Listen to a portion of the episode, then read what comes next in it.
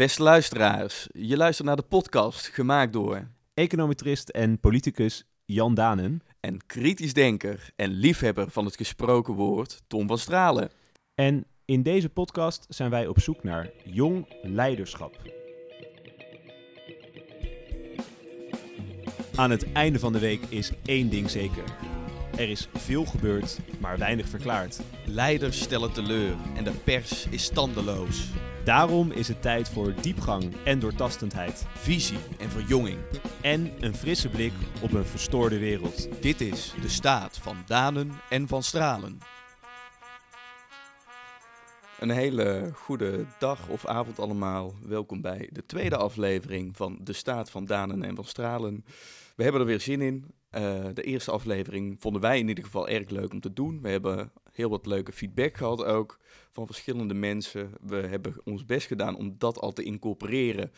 Eh, dus we gaan zien hoe, eh, hoe, we, hoe deze, deze tweede aflevering ons afgaat. Tom, heb je er een beetje zin in? Ja, enorm veel zin in. Goed Ja, zo. We hebben mooie thema's die we weer ehm, graag eh, vandaag of vanavond gaan bespreken. Er is een aantal belangrijke onderwerpen die we aan de kaak willen stellen, denk ik.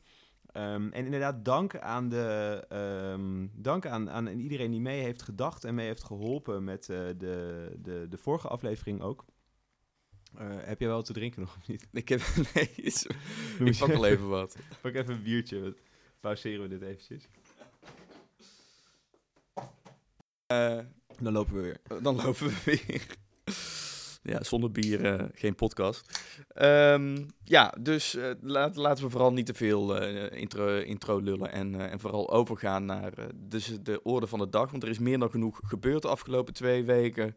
Genoeg waar wij een mening over hebben, waar wij over willen praten.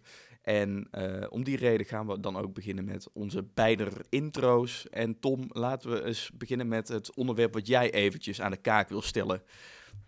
Wat is je opgevallen deze week? Nou, ik wil het hebben over een eh, YouTube-filmpje dat ik eh, vandaag zag. En dat kwam, eh, kwam bij mij naar boven op mijn Twitter-feed, waar ik tegenwoordig op zit. En ehm, ik was eigenlijk zelf wel positief verrast van een filmpje dat de correspondent had gedeeld. Ze hebben namelijk een deepfake gemaakt van onze demissionair minister-president. Die dus afgetreden is van zijn huidige kabinet, omdat er een aantal dingen mis zijn gegaan omtrent eh, Wat De- niet? ja, wat niet zou je kunnen zeggen. Ik wilde zeggen omtrent de toes toeslagenaffaire. En in dit filmpje heeft de correspondent...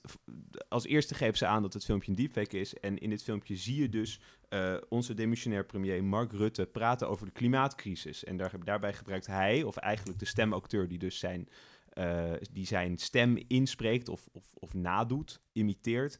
Eh, hij gebruikt daar een voorbeeld en dat is 5 meter. En dan zegt hij in 2000 of in 2150 is de zeespiegel eh, eh, wereldwijd 5 meter gestegen. En het zou kunnen dat onze kinderen nog mee gaan maken dat een deel van de randstad onder water staat. En dat moet dan symbool, symbool staan voor de urgentie van de klimaatcrisis. En ik moet zeggen dat ik het met deze deepfake demissionair minister-president Mark Rutte enorm eens ben. Dat dit natuurlijk een urgente situatie is. En ik ben, was ook wel eh, verrast over eh, het medium. Dus eh, dat het met, met een deepfake gebeurde. Maar ik zag ook op Twitter natuurlijk direct weer veel, veel mensen die, die, die het daar niet mee eens waren. Ja, en gaat het dan over, over het, het, het middel of gaat het dan over de boodschap? Want dat is wel even een relevant verschil. Eh, ja, dat is denk ik wel een goede vraag. Want ik denk dat er in het gebruik... Kijk, het gebruik van deepfake is natuurlijk een ingewikkeld, ingewikkeld middel... eh, dat ook heel gevaarlijk kan zijn. Ehm, en daar was ik zelf... Stond ik zelf in eerste instantie niet helemaal bij stil. Dat, dat, dat, dat, dat, dat daar ook risico's aan verbonden Want dat was het eerste wat ik dacht. Ik Ja? dact van, ja, hey, hallo. eh, als zelfs zogenaamd brave journalistieke podium zoals een correspondent nu dit, dit enorm gevaarlijke middel gaan ja, misbruiken eigenlijk voor een eigen boodschap. Want waarom is zo'n Eh, deepfake dan zo gevaarlijk? Eh, omdat je er eh, hele mensenlevens mee kapot kan maken of hele grote groepen mensen tegen elkaar op kan zetten. Ik bedoel, als je bij wijze van, laten we zeggen, mijn, eh, mijn grote politieke lijster Lilianne Ploemen ineens in een filmpje eh, eh, een aantal moslimjongetjes in elkaar ziet slaan. En je kunt het echt niet meer van het nep onderscheiden. Ja, je kunt je voorstellen wat voor een enorme impact zoiets zou kunnen hebben op, op een hele maatschappij. Ja. Dus die deepfakes, dat, dat op dit moment kun je het echt nog net van het nep onderscheiden met, met dit soort filmpjes. En nu was vooral de stem van Mark Rutte, die, die, die duidelijk niet de stem van Mark Rutte was. Ja, die zwakt ook wel een beetje af. Hè? Ja, eh, maar ook dat gaat vroeg of laat, uh, gaat dat via computers. Uh, gewoon nagemaakt ook, kunnen worden. Dat kan je later natuurlijk ook deepfaken. Ja. Dat gaat uh, dus het eerst beeld en dan, dan geluid. Ja, en op het moment dat het echt, echt niet meer van het nep te onderscheiden is, dan is het enorm gevaarlijk. Dus dat was mijn eerste gedachte bij deze, deze, deze actie. Even ongeacht de boodschap, die ik wel heel sterk vond. Een paar zinnen ook, die, die, die, die, ja, die ze toch wel, wel, die echt wel aan het denken zet. Nou, het, was, het was inhoudelijk ook wel een goede speech. Het was een enorm goede speech. Zou, zou dit onze premier maar zijn? Dat zou je bijna zeggen. Nou ja, maar wat, um, wat ik denk is dat um, nu heeft de correspondent dit gedaan. En dat hebben zij gedaan met alle disclaimers um, en alle Um, ja, dus de disclaimers zijn aangegeven, dit is een deepfake, dit is niet echt, dit hebben wij ingezet. En um, ik denk dat inderdaad het risico van, een, van, van deepfake groot is, maar uh, misschien is dit ook wel juist een hele veilige en uh, daardoor ook effectieve manier om dus de maatschappij wakker te schudden over het gevaar dat hierin uh, schuil gaat, zonder daarbij dus ook dat gevaar te tonen of daar dus daadwerkelijk mensen mee te kwetsen. Um, ik denk dat Mark Rutte, als hij het filmpje zou zien, dat hij in eerste instantie uiteraard zal lachen. Um, zich uiteraard uit zou spreken over het gevaar van deepfake. Maar hier is natuurlijk demissionair premier Mark Rutte niet mee gekwetst of niet mee beschadigd. Nee, zeker omdat dus heel duidelijk is dat het een deepfake is. Dat werd ook aangekondigd. Uh, dat, dat, dat ben ik met je eens. Het kan, het, ik, ik denk dat, het, dat, het, uh, dat je dit soort situaties misschien juist ook moet aangrijpen om, om beleid te gaan maken op, op deepfake, waarvan je weet dat het vroeg of laat uh, maatschappij ontwrichtende uit, uitwerkingen kan hebben. Dus beter te vroeg beleid maken dan te laat. En nou, een film, filmpje als dit kan daar zeker wel aan, eh, aan bijdragen, denk ik. Ja, misschien staat dan, staat dan de inhoud van het filmpje ook wel symbool voor wat er dan op dat gebied van deepfake moet gebeuren. Dus we weten dat we op klimaatbeleid toch eigenlijk te laat bezig zijn met het maken van beleid. Uh, nou, misschien moeten we dat dan maar op tijd doen op het gebied van deepfakes, Precies. voordat daar mensen mee beschadigd worden. Mooie dubbele boodschap. Ja, daar hou ik van. Uh, en Jan, wat is jou eigenlijk uh, deze week allemaal opgevallen? Deze week is mij wederom heel veel opgevallen, uh, Tom. Maar ik wil het even hebben over de stijgende energieprijzen en de effecten die dat heeft op heel veel gezinnen, voornamelijk mensen die wat minder te besteden hebben in ons land. Um, nou, je hoeft alleen maar uh, op de snelweg te kijken dat, dat de benzineprijzen door het dak stijgen. Um, maar ook de gasprijzen zijn enorm aan het stijgen geweest de afgelopen weken. En uh, dat, nou ja, goed, als je een vast contract hebt afgesloten een, een x aantal maanden terug, dan is dat allemaal niet zo'n issue. Maar heel veel mensen hebben flexibele gascontracten afgesloten. Juist mensen die weinig te besteden hebben, die worden, we krijgen dit altijd aangesmeerd. Dat is heel leuk als de gasprijzen laag zijn of relatief laag zijn. Maar zodra ze hoog zijn en in de tijd van schaarste, de winter komt er nu ook nog eens aan, uh, dan, dan, dan worden die prijzen echt, die kunnen, die kunnen met tientallen procenten stijgen. En dan, uh, dan is uh, die 100 euro die je er voorheen in de maand voor hebt gereserveerd, kan zomaar eens 200, 300 euro worden. Ja. En als je al niet zo heel veel te besteden hebt en moet leven van nog geen 1000 euro in de maand, dan, uh, uh, dan kan dat echt, uh, echt hele grote gevolgen hebben. Dan ja. tot, tot, tot, tot het, het, moeten verlaten van je huurhuis aan toe met je hele gezin. Ja. Um, ja, en kijk, wij maken natuurlijk een, een, hoofdlijn in onze podcast is jong leiderschap. dat hebben we bij de intro niet gezegd, maar dat ga ik er later nog even in plakken. Oh, ja. um, en dus de vraag is dan, wat, wat betekent dan dit nieuws ook voor mensen van onze generatie? Onze generatie, nou, dit, dit gaat zonder meer iets zijn wat, wat steeds vaker voor gaat komen. Kijk, we zijn gewend geweest natuurlijk, eigenlijk zijn we vooral verwend geweest. Uh, met uh, altijd stabiele energiebronnen. Er was altijd genoeg gas. Uh, dat haalden we zelfs uit onze eigen bodem heel lang. Maar ook bu buurlanden, Rusland, konden we altijd van op aan dat daar, dat daar wel eventjes wat, wat energie vandaan kwam. de hele energietransitie die we met z'n allen nu, nu ingaan, is per definitie, uh, zorgt het voor een minder stabiele energietoevoer, omdat we allemaal verschillende energiebronnen duur, die duurzaam zijn moeten gaan combineren.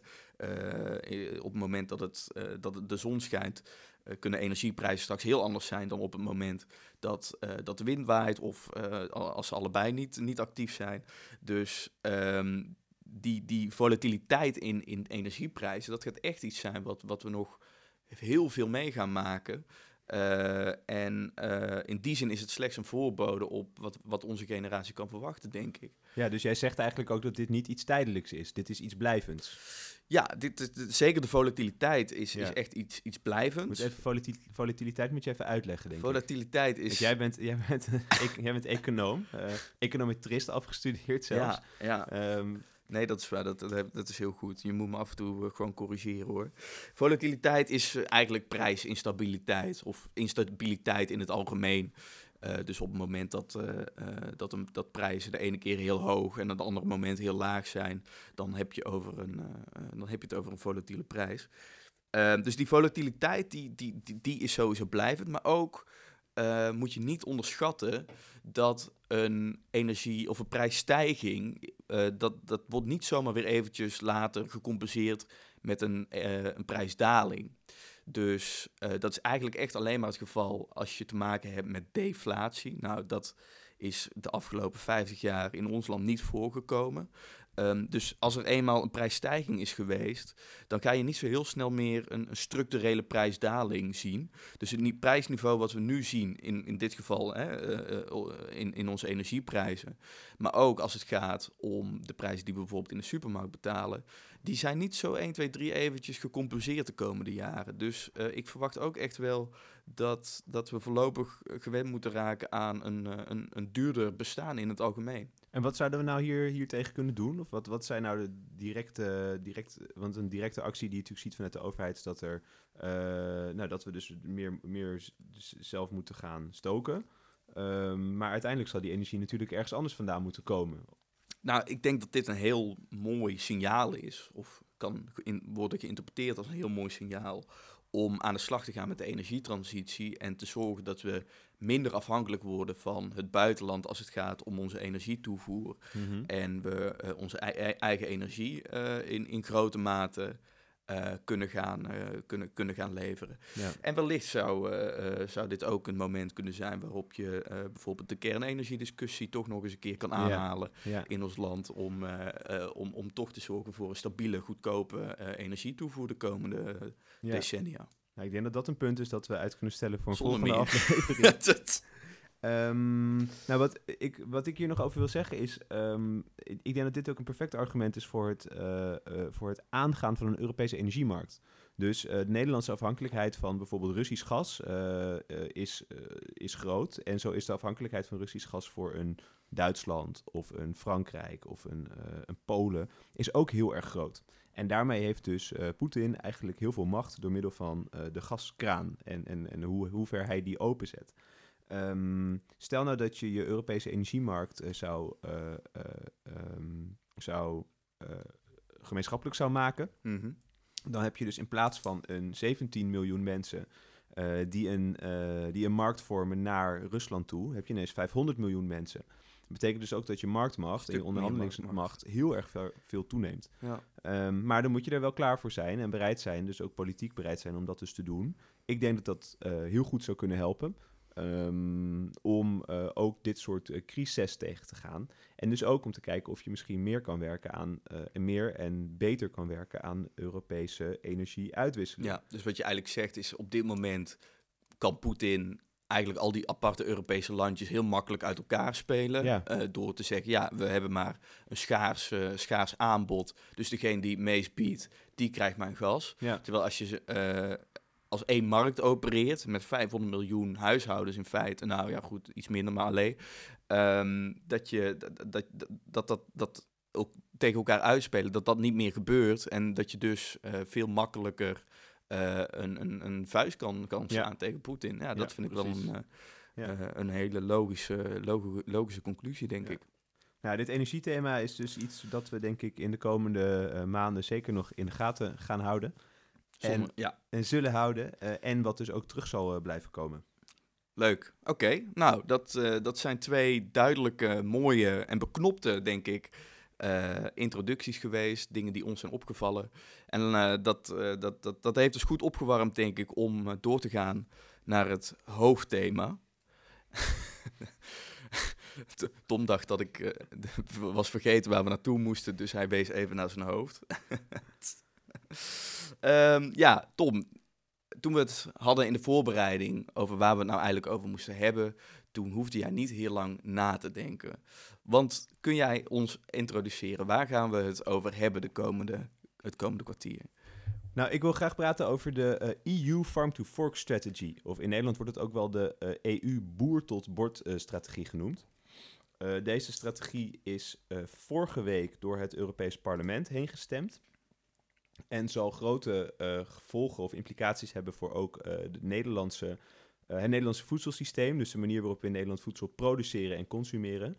Um, en wat mij interessant lijkt om te vertellen is wat hier de, de aanloop naartoe is geweest, hoe het proces ook gaat en wat hier de, um, de, de impact van gaat, gaat worden. Oké, dus die Farm to Fork strategy die is het afgelopen week door het Europees Parlement gegaan. Ja, en dat, dat, dat, dat, eh, wat heeft dat voor relatie met eerdere uh, beleidstukken over, over het lam, de landbouw die, die door de EU zijn, zijn aangenomen? Want vorig jaar, meen ik me te herinneren, dat, dat we ook iets dergelijks al hebben gehad. Ja, precies. Vorig jaar is dus de CAP, dat is het, de Common Agricultural Policy. In Nederland wordt het het GLB genoemd, het gemeenschappelijk landbouwbeleid. Dat is vorig jaar door de Kamer, of door het, door het Europees Parlement heen gestemd. En die kap die heeft natuurlijk ook grote invloed op, uh, op de manier waarop we in Nederland en in Europa met landbouw omgaan.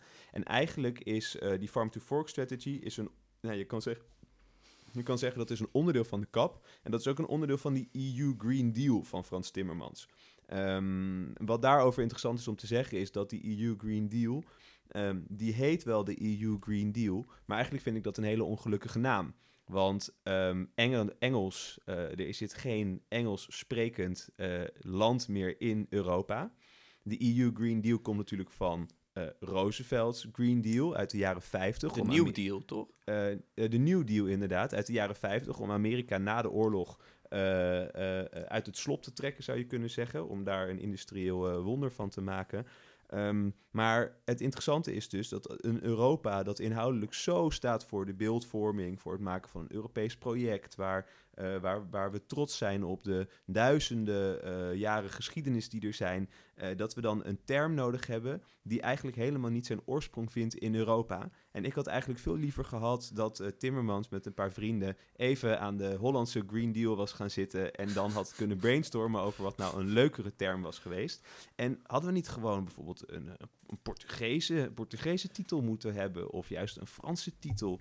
Of misschien een, uh, iets in het Duits, weet je wel. Lekker zakelijk. Dit is toch het hele probleem van de EU. Dat is al die landen die zijn veel te arrogant en die zijn veel te, veel te trots. Dus die willen nooit accepteren dat een ander land uh, hun taal uh, dominant wordt. Ja, ja of, je, of je, maakt, je maakt, het, zet het, maakt het in meerdere talen. Ah ja, dat kan um, ook ehm, maar ik Esperanto. Had, ja, Esperanto. Maar ik had hier graag een creatievere titel aangezien. Maar goed, we gaan, er is vorm en er is inhoud. Over ja. de inhoud verder. Maar goed, um, dit was de Green Deal. Dat, de, ja. die, die farm-to-fork strategy is eigenlijk een, een, als onderdeel. een soort onderdeel van ja. de Green Deal en van de kap. Ja, precies. Um, maar wat, wat, wat, wat, voor impact gaat dit nou hebben? Of wat, wat, is, wat is er nou concreet besloten waar wij als simpele burgers wat van gaan merken? Um, nou, om dat uit te leggen is het denk ik goed om eerst nog even uit te leggen hoe nou precies dat proces gaat. Hè? Want vaak hoor je dat er uh, of gesproken wordt over de Europese ministerraad. Vorige week bijvoorbeeld nog zei Rutte, demissionair premier Rutte, ik ben in Brussel, dus ik kan nu niet over landelijke uh, onderwerpen praten. Uh, we hebben het soms over het Europees Parlement, over de Europese Commissie. Um, en dat zijn allerlei verschillende organen die samen bijdragen aan het maken van Europese, uh, van Europese wetgeving. Nou, hoe gaat dit nou? Frans Timmermans is Europees commissaris in de, Euro, in de Europese Commissie. En dat zou je in zekere zin het bestuur van Europa kunnen noemen. Zij maken een wetsvoorstel dat vervolgens naar het Europees Parlement gaat, waar dus volksvertegenwoordigers van alle Europese landen in zitten. En in dat Europees Parlement wordt dat wetsvoorstel besproken, uh, dat wordt aangepast en vervolgens wordt er over gestemd. Nou, in het geval van de Farm to Fork Strategy is daar dus mee ingestemd. Uh, met een vrij grote meerderheid er overigens, wat mij enigszins verbaasde. Maar daar kom ik later op terug. Um, maar wat gebeurt er hierna nou? dan moet de Raad van Ministers uh, dus dat zijn alle Europese of minister-presidenten, uh, waarvan wij er dus een demissionair eentje van hebben, of de ministers van Landbouw, moeten dus gezamenlijk dit goedkeuren, waarbij dus een veto geldt. dus eigenlijk pas als dus een plan door die drie facetten van het beslissingsmakingsproces heen is gegaan, heb je een wet. Ja. Maar als er dan dus een wet is gevormd, dan is die dus ook bindend. Dus wat zegt nou dit programma en ook bijvoorbeeld het Europees landbouwbeleid over wat er in Nederland op landbouw gebeurt? Dat, uh, dat betekent dus dat Nederland moet doen wat er in dat beleid staat. En dat is heel erg bindend. Ja. En dat is ook een van de redenen dat dus bijvoorbeeld stikstofproblematiek in Nederland zo ingewikkeld is. Nou ja, wat staat er nou in die... Maar het is dus, het, het is dus een, een level playing field op, op het moment dat zo'n wet er doorheen komt. Dus als wij als Nederland ons eraan houden, dan weten we ook... de Polen gaan zich er ook aan houden en uh, de Portugezen uh, uh, idem dito. Ja, ja, okay. ja, dat is dus ook een reden om, uh, om dus zo'n wet nog algemeen te maken. Het mag dus wel geïnterpreteerd worden door je, uh, door je nationale overheid en je nationale ministeries. Maar uh, de inhoud van de wet blijft staan. Wat staat er nou in de EU Farm to Fork Strategy onder andere? Er wordt bijvoorbeeld een 50% reductie van bestrijdingsmiddelen wordt er voorgesteld, of is dus nu aangenomen door het parlement. En een doelstelling dat in 2030 uh, 25% van de landbouw biologisch moet zijn. Um, nu zie ik zelf om mij heen in Wageningen dat deze doelen als vrij progressief gezien worden. Mensen zijn over het algemeen ook blij.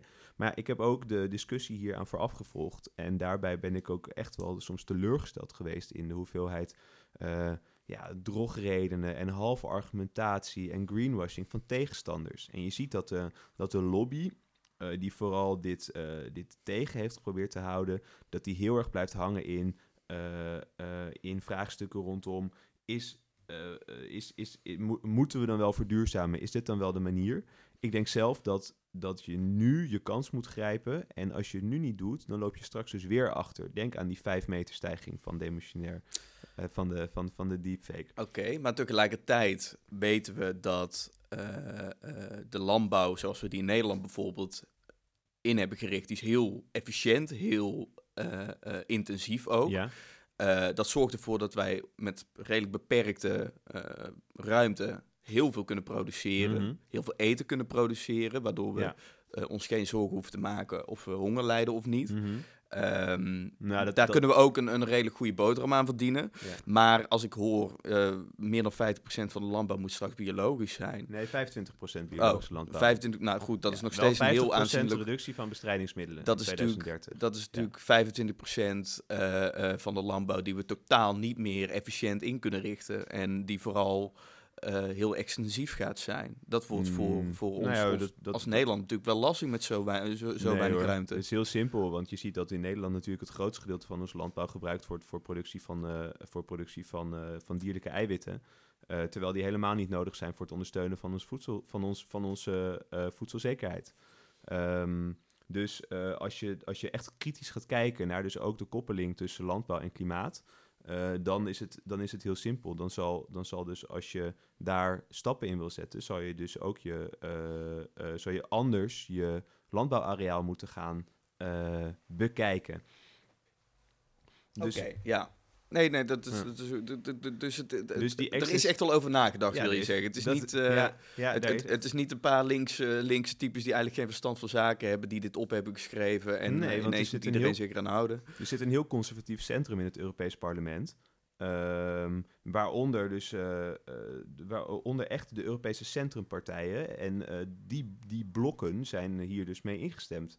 Dus betekent dat er toch echt wel, wel uh, wel daadkracht is en wilskracht om dus hier ook echt wat mee te gaan doen. Okay. Um, de vraag is natuurlijk, wat gaat er gebeuren als dit straks bij de ministers terechtkomt?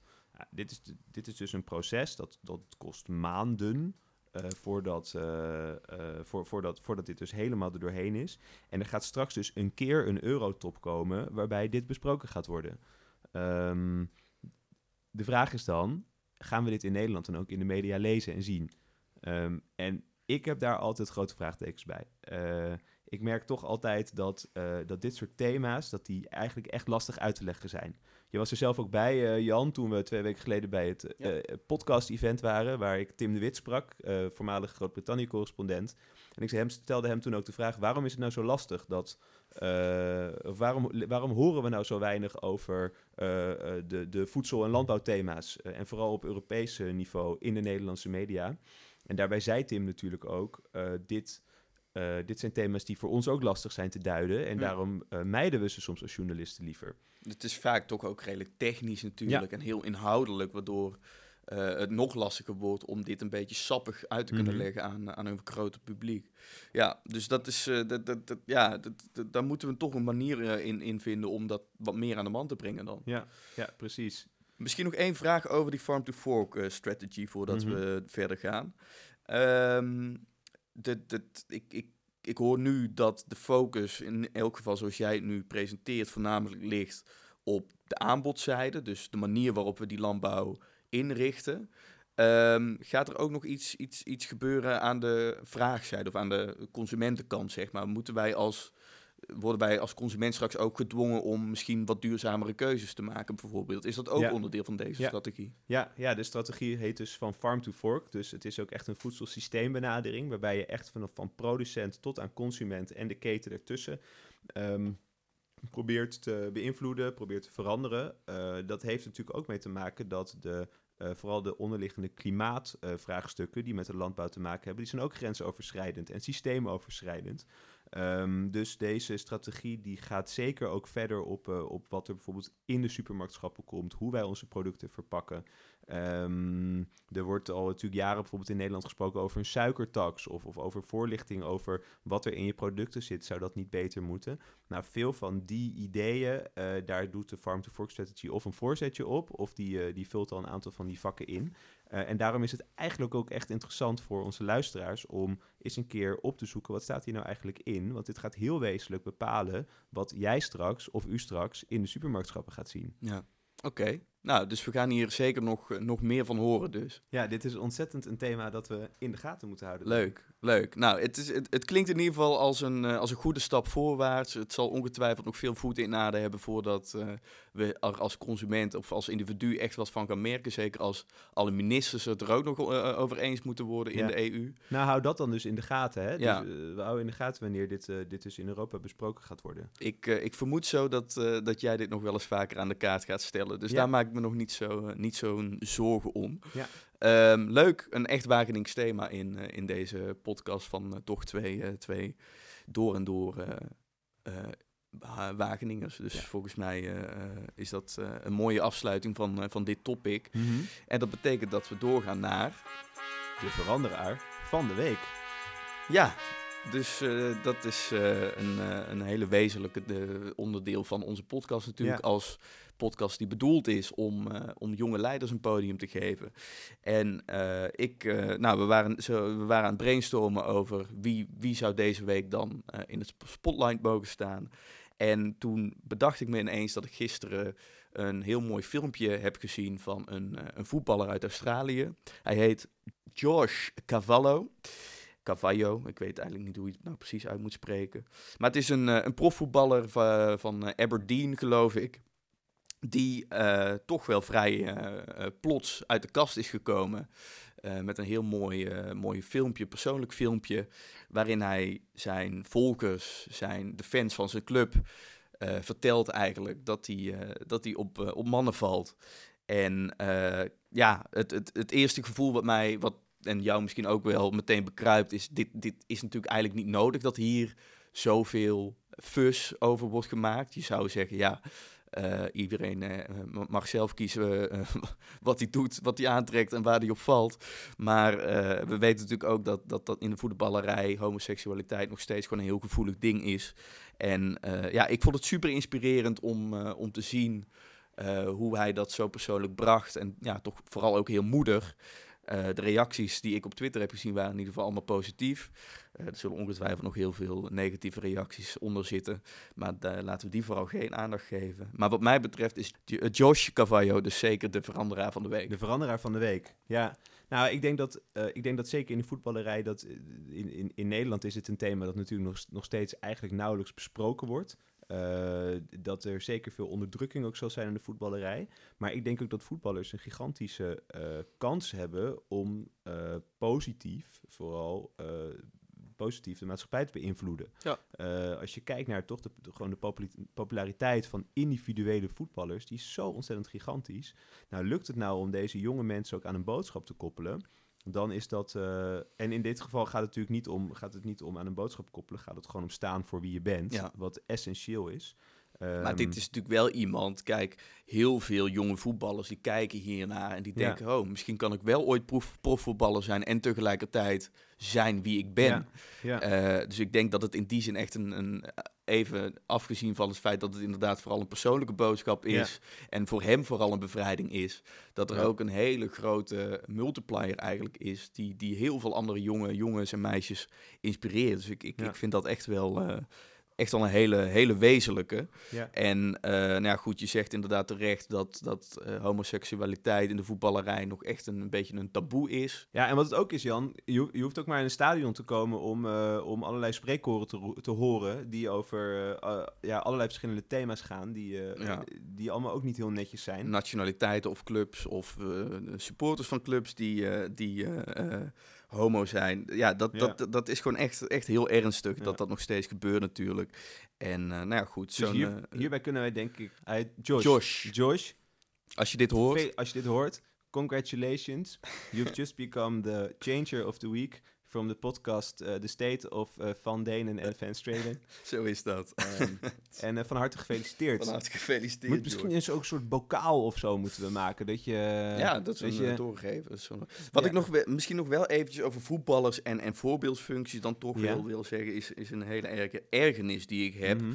aan de persoon Ryan Babel. Ja, ik ook. Ja. Die, dat eh, vind ik toch zo'n paardenmogol? dat- even afgezien Ja. van het feit dat het een paardenmongool is, die is zich dus wel degelijk bewust van zijn impact en zijn Ja. maatschappelijke impact. Ja, en die is Maar in plaats van belasting ontduiken. Precies, in plaats van ervoor te kiezen om eh, mooie eh, doelen te steunen of tegen zijn volgers te zeggen, ga naar de stembus, want het is belangrijk dat je, eh, dat je, in- je, je invloed uitoefent op, op, op de maatschappij, gaat hij gaat hij een beetje stoer zitten doen over hoe weinig belasting hij wel niet Ja. betaalt.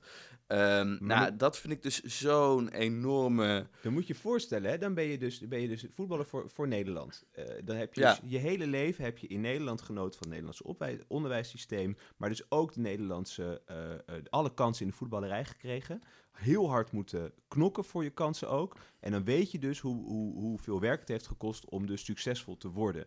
En vervolgens, dan zie je het dus als een, bijna als een missie om, niks terug te om geven. dus niks terug te geven. Ja. En dat, dat is echt iets dat, dat slaat echt nergens op. Maar het is ook andersom. Hè. Je hebt in Engeland heb je een, eh, een voetballer gehad, ehm, Rashford. Rashford, dat En is die- een, echt ja. een enorme, enorme held. Echt een held. En Ja. hij heeft gezegd, eh, ik, eh, hij is gewoon geld gaan doneren aan voedselbanken en daar campagne aan, ge- aan Ja. gekoppeld. Ja, volgens En mij doet, zet hij zich er ook gewoon echt actief voor in nog steeds ook. Ja. Heel gaaf Ja. is dat. Maar Ja. het is voor voetballers natuurlijk lastig, hè? Want hoe, hoe goed wist jij toen je 17 of 18 was, eh, eh, nou je, je, je, je, je, stem te laten klinken en Ja. om echt eh, je, je, je te, te koppelen aan een doel? Dat, dat, dat komt dan meestal wat later. Dus je ziet ook met zo'n Daily Blind bijvoorbeeld, die is nu ambassadeur geworden van de Hartstichting. Ehm, eh, en voor, voor hem is dat natuurlijk persoonlijk ook heel erg belangrijk. Maar dat, dat, dat, dat doet hij ook op een, nu op zijn... Hij is 30 of zo, denk ik. Of, of, of, of Ja. iets ouder. Nico ehm. En hij kan nu ook daar, eh, daar ook echt uitleg aan geven. Ja. En heeft daar begrip voor. Nee, Ehm, precies. En van, en van zo'n jonge jongen mag je dat misschien ook Ja. niet verwachten. Maar naarmate Ja. mensen toch, wat ouder worden, hoop je toch dat ze die En voorbeeldfunctie En wel ze zijn er wel, hè? Dus- Dus ook zo'n Klaas-Jan Huntelaar bijvoorbeeld, die heeft uiteindelijk eh, een foundation opgericht, die zijn vooral zijn ouders dan beheren.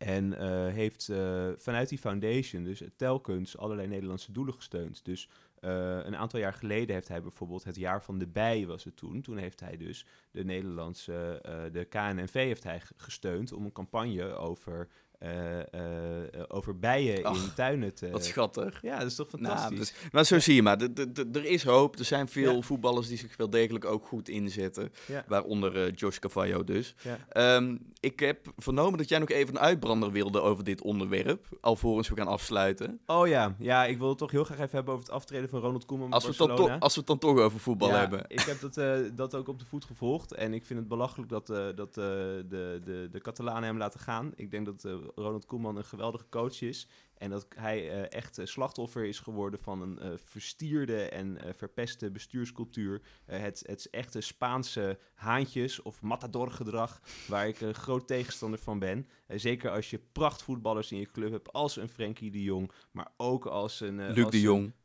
nou, Luc de Jong is, is nog een ander verhaal. Ehm, als je zulke goede voetballers hebt, die, eh, die, die Koeman echt met wat, met, met wat meer tijd meer had kunnen laten winnen. Maar doordat eh, de geldkraan dicht is gedraaid eh, en er ontzettend wanbeleid is gevoerd voor de komst van Koeman, heeft Barcelona echt zijn, ontzettend zijn eigen ruiten ingegooid. Ze hebben in hun eigen voet geschoten. in hun eigen voet geschoten. Maar dan ja, komen ze later nog wel achter. ja, maar je moet met je eigen voet schieten. Op. Zo is dat. Nou, duidelijke uitbrander. Ronald, mocht je dit horen. Je bent Ja. niet, niet de veranderaar van de week geworden, maar je hebt toch even een eervolle plaats Ja, eervolle in, eh, in deze pot. Maar toch eh, wel duidelijk. Josh, de veranderaar van de week. Zeker, ja. Ja. Mooi. Nou, dan, eh, dan zijn we rond, denk ik. Kunnen we afsluiten? Kunnen we afsluiten? Hebben we nog wat, wat, wat te promoten, wat te vertellen? Wat, moeten we nog wat meegeven aan de luisteraars? Nou, volgens mij, ik, ik zou zo 1, 2, 3 niks weten. Ehm, ja, nou, vond je het leuk? Eh, laat het ons dan weten. Ja. Dat is altijd prettig. Ehm, zijn er onderwerpen die je graag zou willen horen in de volgende podcast? Laat het ons weten. Ehm, En eh, ja, goed. eh, dan, dan kunnen we hem afsluiten, kunnen we afsluiten. Ik zal, ik zal even nog zo, misschien een snelle wrap-up ja. in, in sneltreinvaart wat we vandaag allemaal besproken hebben. Want Ja, stiekem maar als je alleen het einde van de podcast luistert. Een hele, hele vluchtige samenvatting. Eh, we hebben het over de stijgende energieprijzen en alle nadelen daarvan eh, gehad. Dat blijft zeker nog iets eh, wat, wat blijft spelen. Dus daar gaan we nog vaker over doorpraten. Deepfakes, een grote uitdaging om daar als, als samenleving mee om te gaan in de toekomst. Hebben we ook nog even aangesneden. Het hoofdonderwerp was de Farm to Fork Strategy, waarin Tom eigenlijk gewoon een heel mooi college heeft gegeven over dit enorm belangrijke en fundamentele Europese beleid, wat veel invloed gaat hebben op de manier waarop wij landbouw bedrijven, maar ook waarop wij als consument uiteindelijk in de winkel keuzes gaan maken in de toekomst. En uiteindelijk hebben we een hele mooie veranderaar van de week in Josh Cavallo gevonden, die eh, homoseksualiteit in, eh, in de voetballerij in elk geval een klein stukje minder taboe heeft gemaakt. Dit was Dana en van Stralen van deze week. Ik hoop jullie allemaal bij de volgende aflevering gewoon weer eh, eh, te kunnen eh, toespreken, zou ik zeggen. Hartstikke bedankt voor het luisteren en fijne dag verder.